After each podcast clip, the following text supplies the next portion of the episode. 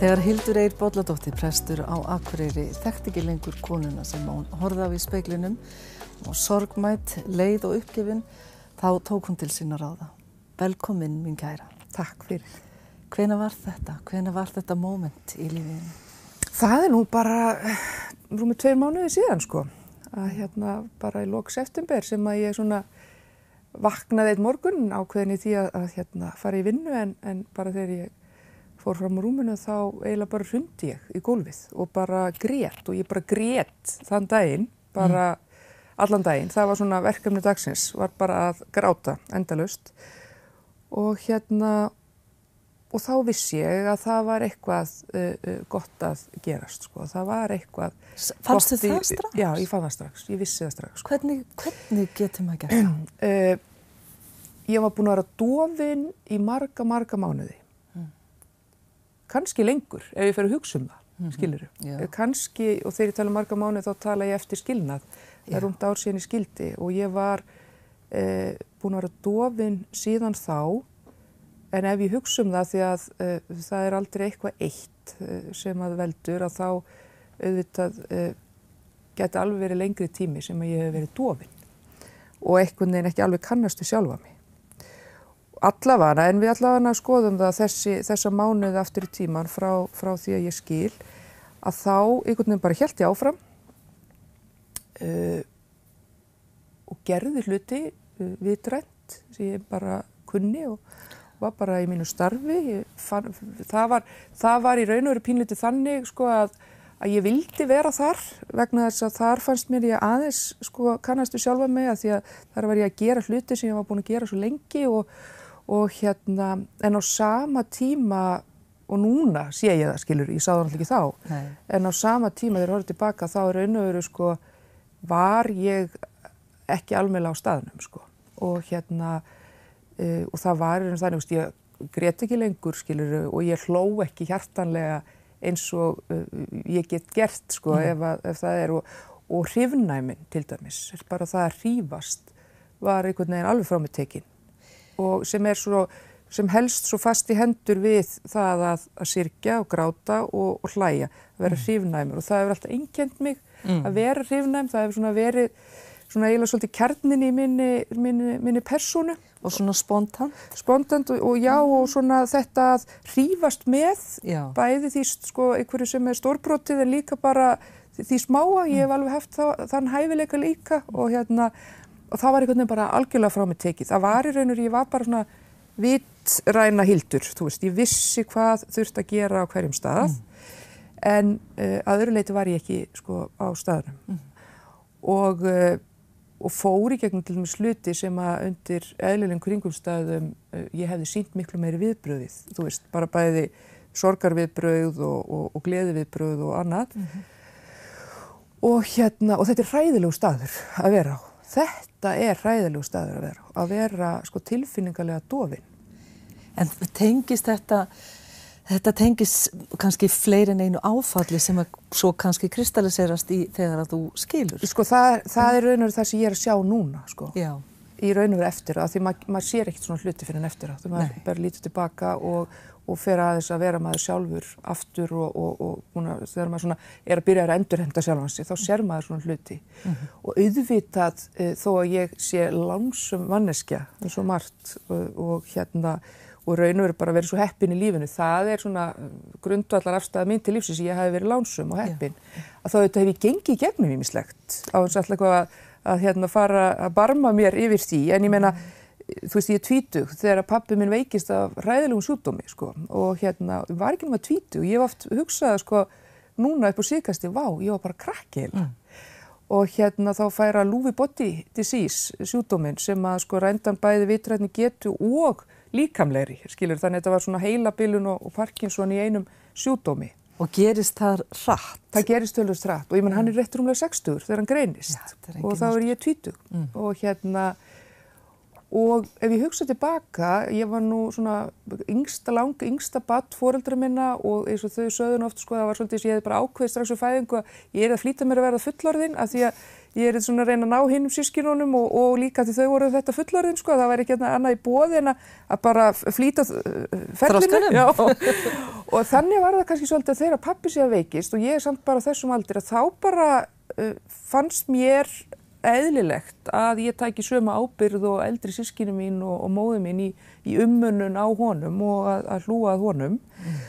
Og þannig var það í raun og er alveg þangað til að dó og ef ég hugsa um það, bara þessi tíu ár, þessi svo gölluðu mandómsár, millir tvítus og þrítus, þar sem kannski margir eru svolítið bara í sjálfum sér, sko, í því að byggja upp sitt líf, ljúka námi, koma yfir sér húsnæði og eitthvað svona og fólk er svolítið kannski bara að frekar að njóta stuðnings frá hinnum eldri sem er í kring og, og hérna badnapössun og annað.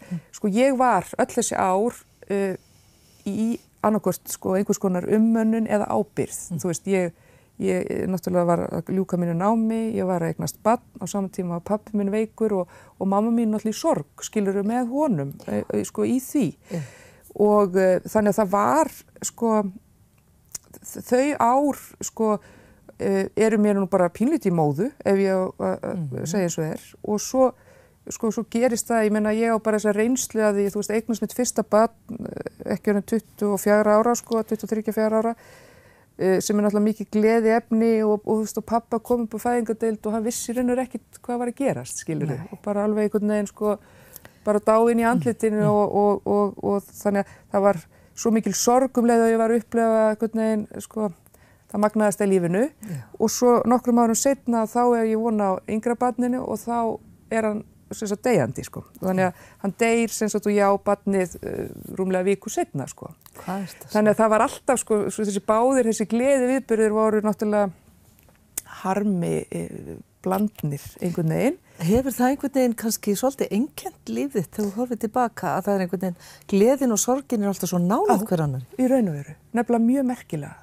og það hefur verið mér mjög hugleiki líka bara í skrifum held ég mitt út af, út af því. Það er Já. svo oft mér hefur líka fundist það fallegt, ég er ekki bara, ég er ekki bara að barma mér yfir því að harma það, mér hefur líka oft fundist það fallegt mm og ég menna það var mjög margt fallegt, eða bara ekki bara margt, það var bara allt fallegt og mikið fegur í kringum það. Þegar ég eignast sko yngri sónin minn og í teimslum við það þegar pappi var að kveðja því að mm. auðvitað var það uh, uh, lík með þraut að hann skildi kveðja þá því það var allt frá honum tekið annað en náttúrulega bara augunans og, og, og, og sko, sem var ekkert lítið og bara nærveran en hann var náttúrulega raunur samt farinn. Og hérna En eftir stendur samt sorgin. Eftir stendur sorgin, en svo ertu bara búin að fæða bann og já. þá náttúrulega bara eftir áfram í ábyrðinni heyrðu, já, ný, yngra bann, mm -hmm. nýtt bann og það er ekkit og þannig að sorgin var svolítið sett bara til hliðar. Mm -hmm. Og ég var líka orðin prestur þarna uh, og, og ég man eftir því, þú veist, ég var eignast pappi var uh, nýtt áinn og ég var bara þrítug sem mm. er ekkit rosalur aldur Nei. og tvekja bátn á móður og fólk sagði jafnvel við mig sko, já þú ert nú heppin að vera prestur í þessum aðstæðum sko, þú veist á þú svolítið hvernig þú ætti að breyðast við sjálfur þér og hérna þannig að einhvern veginn hefur límið þróast þannig bæður ímsu sem ég hef skilað frá mér sjálf og borðið ábyrð á sjálf en líka einhverju svona í umhverjunu sem orður til þess að ég hef aldrei gefið mér rými til þess að sirkja mm. neitt, þú veist Jafnvel þó þú væri prestur og ættir að kunna all þessi triks í bókinni og ég hef líka, ég menna það er ekki bara þetta með pappa, þú veist, ég hef mist aðra vini, ja. sko, fólk sem staði með nærri og, og eh, sko fyrir aldur fram og, og verið jafnvel þar prestur líka skiluru, ja. Ja. þannig að ég hef alltaf verið í þessari stöðu að setja mínar tilfinningar og svolítið þarfið til hliðar mm -hmm og það er bara ægslast þannig Já. og það er einhverjum um að kenna, það er bara ægslast þannig stundum er bara lífið þannig og ég hefur líka lært hellinga á því. En fyrir viki hefur ekki geta grátið, þú er ekki syrt? Nei, eða? ekki svona, sko, ekki, eða bara ekki farið inn í það að uh, sinna eigin þörfum, mm. hvað hvert í og aldrei tekið mér neitt rými fyrir sjálfa mig að vera einhvern veginn sirkjand og svo líka kemur ofan í þetta það að ég hef lifað Eh, sko, með þessa kvíðaröskun mína síðan ég var badd sko. Mm og hún hefur tekið oft svo mikið plás Já. að ég hef líka þurft að einhvern veginn að tækla hana svo mikið og, og ef ég hef farið til sérfræðinga eða fagæðala þá hefur það verið til þess að tækla hana svo ég geti haldið áfram að bera ábyrg og haldið áfram að vera til staður og haldið áfram að vera, þú veist, prestur og haldið áfram öllum boltum á lofti að alls konar hluti sem ég gengi í gegnum til hliðar við það, það hefur bara verið algjörst aukaðatri mm. eins og bara að missa ástvinni og, og, og alls konar. Mm. Segðu mér aðeins með kvíðaröskun því að það eru mjög margir sem er að glíma við hana. Hva, hvernig hellist hún yfir mann?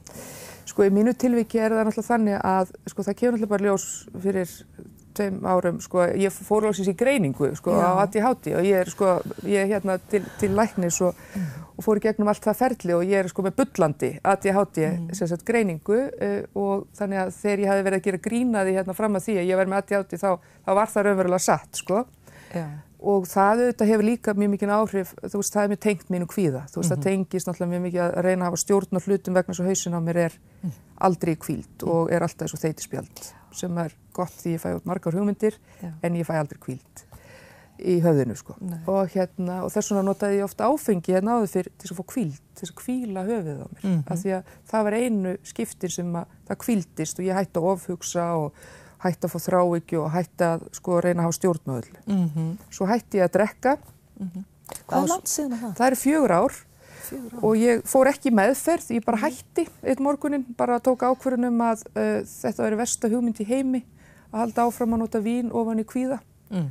Puntur og síðan þá hef ég sagt við allt fólk sem hefur komið til minn í sálgæslu og, og er að glíma við kvíða, þú veist, e e, e ekki nota vín, þú veist, það er hérna mm þú veist, það er bara, það er versta hugmynd sem að bara, versta hugmynd í heimi fyrir því skilur. Yeah. Það er hérna, það er bara, það er bara svo, það bara getur ekki gengið saman, sko. Mm.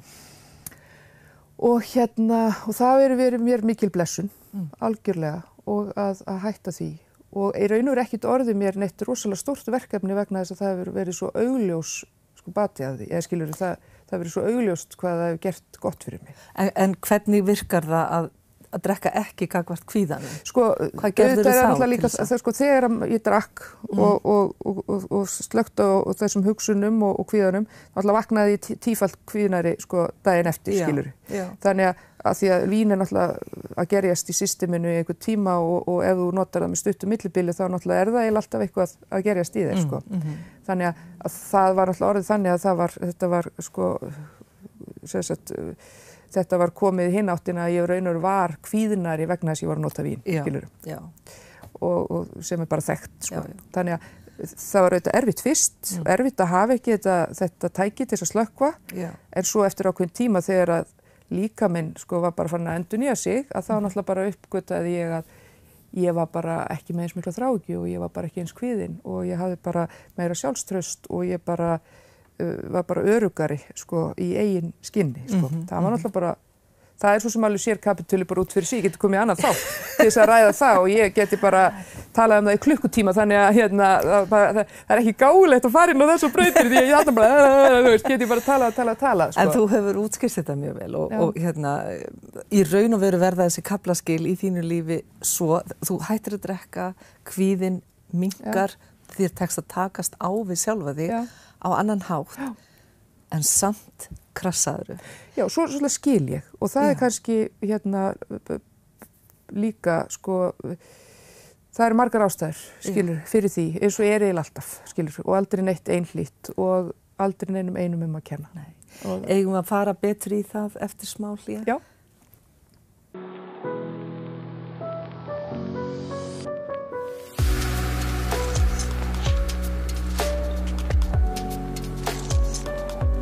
Þegar Hildur Eir Bólladóttir tók þá erfið ákverðun að skilja við mann sinn til margra ára, þá tók lífi alveg nýja stefnu.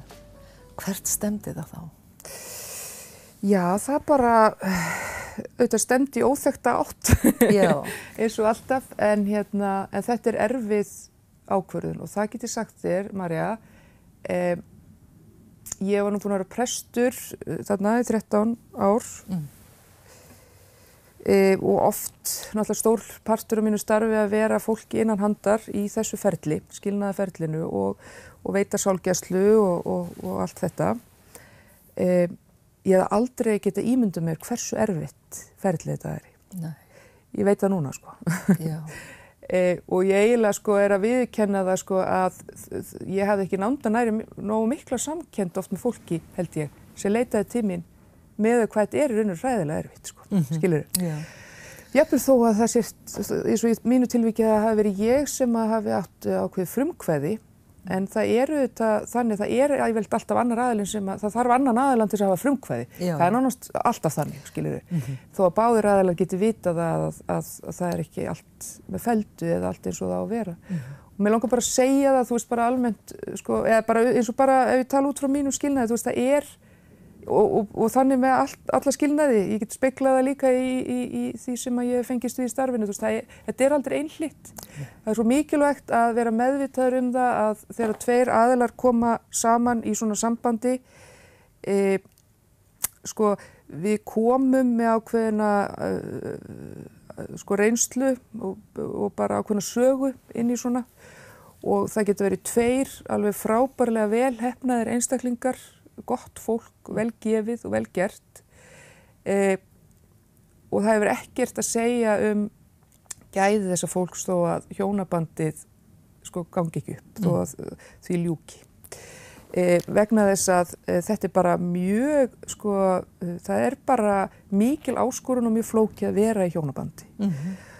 og mér finnst það bara, mér finnst það svo mikilvægt og mér finnst svo mikilvægt að vera ekki dómharður gagvat fólki þegar það er að, að skilja mm -hmm. og vera meðvitaður um það að þú veist ekkert hvað er búið að ganga á í, í, í hjónabandi annara. Það mm. er bara þessi tveir einstaklingar sem að, að vita það. Mm -hmm.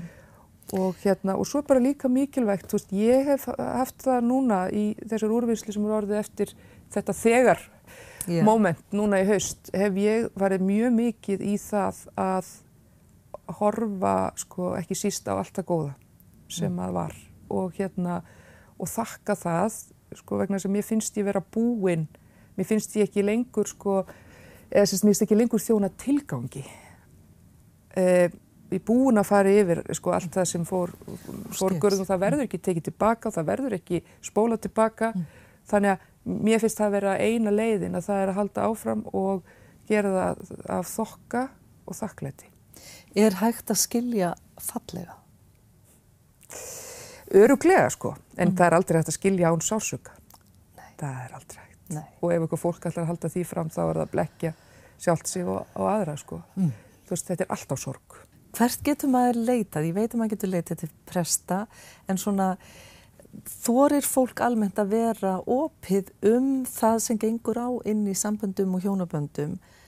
Væri það ekki stundum til ráða að, að fá aðstóð fyrr? Jú, ég segi bæði sko út frá minni prestreinslu og svo eftir út frá þessar persónureinslu uh, eh, talaðu við fagæðila um mm. um því tjónaband talaðu við góða vinkonu sem að uh, þú treystir eða mm. góðan vin sem að, að stendur þau næri og þú treystur og þekkir vel ekki tala um þetta við fjölskylduðina sko fyrir en uh, þú ert búinn sko, fyrir en að það er eitthvað sko, fyrir en að þið eru búin að taka ykkar sammeilegu ákvörðun og, og þú getur kannski gert það einhvern tíman eftir og það er að segja ef þú veist ekki hvað stefnir, ef þú mm. veist ekki sko raunverulega hvað er að vera að gera, þú ert bara komin inn í einhvern rússipanna ekki tala um þetta við fjölskylduna í kringum því vegna þess að hún er ekki dómbær eða hún getur ekki hjálpaðir vegna þess að þar eru tilfinningar sem að trubla. Mm -hmm. Og eins er það ef að þið ákveðið að skilja og það er bara skilnaðir framöndan að uh, þá mæli ég með því við fólkið, sko fjölskyldur sem stendur já að uh, sko vera fyrst og fremst uh, sko umvefjandi mm. og elskandi og láta vita með öllum leiðum að þau séu ekki að fara, þau séu ekki að yfirgefa þig, að þau hefa áfram trú á þér, að þau munu alltaf standa við hliðir þú þart ekki annað frá þeim. Nei. Svo ferðu til fagæðila og þar leggir þið all spilin á borðu og þar ræður allt. Mm. Og svo getur átt vinkonu sem að þú pyrrast við mm -hmm. og segir svona hluti sem að hún veit að þú meinar ekki nema upp á ákveðinu marki og, og, og, og hérna og geymir það bara með sér sko. Mm. Hún talar ekki um það við börniði, ekki neitt sko. Svo, þetta er nefnilega erfitt og það þarf að vera svolítið meðvitaður um já, hvað, maður, já, hvað skref fólk er að stíga. En í haust þegar að þú þekktir þig ekki lengur mm. og þú sagðir hér áðan að, að þú eru jafnframt fundið þessa tilfinningu að þú getur ísitt upp. Já. Segðu mér aðeins frá þeirri tilfinningu. Sko þar kom sér vel að hafa glimt við uh, að lifa með þessum, þessari kvíða röskun allt sitt líf. Já. Vegna þess að ég hef átt fleiri svona móment þar sem ég hef bara svona fengið, þú veist, bara hrunið og fengið bara svona grátkast og bara, og þá hef ég alltaf vitað sko, þess að ég vissi það alltaf ekki fyrst, ég man eftir ángistinni þegar ég lendi í þessu í fyrsta skipti uh, og fór og leitaði mér aðstóðar og, en svo á ég reynslun af því og minningun af því hvernig það var upphafað ykkur góðu. Þannig að þess vegna vissi ég að fenginni reynslu þegar ég lendi í þessu haust, ah, ég fer í hérna veikindalegi, þú veist, þetta verður upphafað þegar ég verð aftur hildur hér, mm. þú veist, ég finn sjálfa mig. Mm. Og þess vegna var ég, sko, ég var ekki sko skelvingu nefnilega lostin, ég var búin að vera skelvingu lostin náttúrulega í dóðanum, þú veist, það var eiginlega eina tilfinningin sem ég fann, það var að ég var skelvingu lostin Þú varst búin að missa sjálfa þig? Ég var búin að missa sjálfa mig, ég var skelvingu lostin, ég vaknaði alla mótna, sængin mín sko rennblöyt og kottin og lakið og allt uh, og það var eina sem ég fann. Mm. En þarna vissi ég að ég væri að fara að sko vinna úr hlutum af bara fenginni reynslu af öðrum, öðrum svona tímapunktum sem ég hafði átt og þess vegna væri ég ekki hrætt. Hvað gerður? Ég fór í veikindalefi og, eh, og fannst það bara ekki derfitt að, að byggja um það Nei. og farið það og ég vil segja með það að uh, ég held að öll svo umræða sem er eigast í staði þjóðfélaginu um til dæmis börnátt og annað Já. þó ég vil nú ekki meina að ég að færi börnátt vegna þess að allan ekki, ekki starfi, það má segja í lífi, já, jú mm. að hún hafi, svo umræða hafi hjálpað mér mjög mikið til þess að fara í veikindilega vegna sem ég er alveg fyrir þetta að standa mig alltaf Já. í öllum aðstæðum og maður, ekki, maður tekur sér ekki veikindilega og maður fer ekki frí, mm. helst ekki sumafrí þannig að fram að þessu þá hafði ég verið svolítið först í því sko þó ég hafi leitað mig hjálpar þá hafði alltaf verið svolítið först í því að fara ekki veikindilegvi en þarna bara ákvæði ég að gera það mm -hmm. og uh, var bara mjög sátt við það og ég fór til ráðgjafa, ég fór og, og, og, til, til fjölskyldu meðferðarfræðings Ég fór til læknis og, og fekk eh, áhersun í sjúkraþjálfun vegna þess að þó svo ég sé ekki með einhvern alvarlega stóðkerfisvandahust, þá var hann bara líka fullur á bólgum og vöðabólgu mm. og sjúkraþjálfarar eru miklu læknar yeah. og þeir eru miklu sálfræðingar og þeir eru miklu prestar mm. og þeir eru svo margt og ég lendi á indislegri mannesku sem að uh, sko spjallið okkar gerði ekkit minna fyrir mig heldur en oft æfingarnar eða, eða nuttið og það verið indislegt og ég fór í jóka, mm. ég fór að fara í sund, ég fór út úr leikfuminu sem ég var í þessari sko daglega lífi, ég fór bara í sund og ég fór út að hlaupa og svo gerðist líka svo margt, sendi manni alltaf gjafir, þú veist þegar maður er í svona, ég, ég egnaðist stjúp ömmubann sem að bara e, veitti mér svona sko alveg óendarlega sko gleði og uppörfun og löngun til þess að enn frekar til þess að ræða mér saman og ná mér mm. e, góðri. Mm -hmm og um, Þú nýttir þér þessi bjargráð sem eru til. Já, ég nýtti mér þessi bjargráð. Sko þarna kunni ég. Já. Skilur þið? Já. Og þeir sem ekki kunna, þeir geta googlað. Já, já. Það er reyfingin og já, það já. er einhvern veginn að taka þennan, eins og gerst þér í körfinni, það er bara time out, það er stoppað. Time out. Sko ég kunni öll bjargráð, ég vissi nákvæmlega öll bjargráð. Það sem ég var að gera í fyrsta skipti mm. var time out. Já. Ég hef aldrei tekið mér það. Nei. Ég hef farið og leitað með hjálpar og ger, ég hef alltaf hreift mig og ég hætti að drekka og ég gerði alls konar hluti Já. en ég held alltaf áfram að vera í ábyrð. Já. Ég held alltaf áfram að vera presturinn. Mm -hmm. Ég held alltaf áfram að vera e, svona einhverju leit umönunar aðili. Mm -hmm. e, þar hef ég aldrei, sko, þannig að, en ég hef aldrei þykið mér þetta tæmt, aldrei farið í veikindalegi. Nei, en hverju ætlar að breyta einhverju í takti lífstíns hérðana? Ég sko, svo hefur bara svona gott gerst eins og gerist, eða, sko Já. yfirleitt við það að fara í gegnum svona hluti. Það er til dæmis núna þegar ég er að, að uh, rýsa upp og, og, og, og ræða mig saman, þá bara er ég að fatta alls konar sem hefur breyst innra með mér. Já. Alls konar, afst, lífsafstæð, til dæmis bara uh, þó ég hef alltaf upplefað að ég leti ekki umtal á mig fá eða ég væri ekki mikið að pæli hvað öðrum finnist, mm -hmm. það hef ég selga gert það mjög mikið. Já og sennilega ekki taft sko jafn mikið sjálfströst og ég taldi mig hafa mm -hmm. oft á tíðum. Núna upplýðu ákveðina sko ákveða aðrileysu ákveðina róka hvort því að sko ég, það þarf ekki öllum að líka við mig. Nei. Það fólk má bara vera að tala um mig, ég get ekkingu stjórnað um það. Mm. E, fólk má alveg vera fyrir vonbröðu með mig, mm. skilur þau? Það er ekkit endurinn. e, og bara svona alls konar svona hlutir en, en á þess að upplefa ykkur gremju sko. Já. heldur upplefa reynur bara að horfa fólk þykja vænt um það en vita að því getur fundist líka eitthvað neikvætt um mig en það er bara allt í lagi, Mhm. skilur við Já, já. og hérna og svo er líka það er aðeins dreig og metnaði hjá mér Hvernig þá? það er bara ég hef ekki þörf fyrir að vera jafn, kannski sínileg eða, eða sko Mm. minna stöðut á mig Mhm. eins og kannski ég var Já, ég var alveg gaman að skrifa og ég gerir það, ég var gefa út bók þú veist, og allt það á þessu ári og, og ég hætti því ekki, en það er alltaf bara sköpun sem að er bara lífsfylling fyrir mig Já. og bara minn lífskraftur sko. en svona það var ímislegt annað sem ég var að fást við að gera sem að kannski var svolítið, þú veist, hugsaði með mér að það væri nú gott fyrir mig að gera þetta eða vera sínileg þarna eitthvað svona, það er einhvern veginn alveg frá mig tekið, já, já. bara nennið ekki sko, og bara var það ekki um það Nei.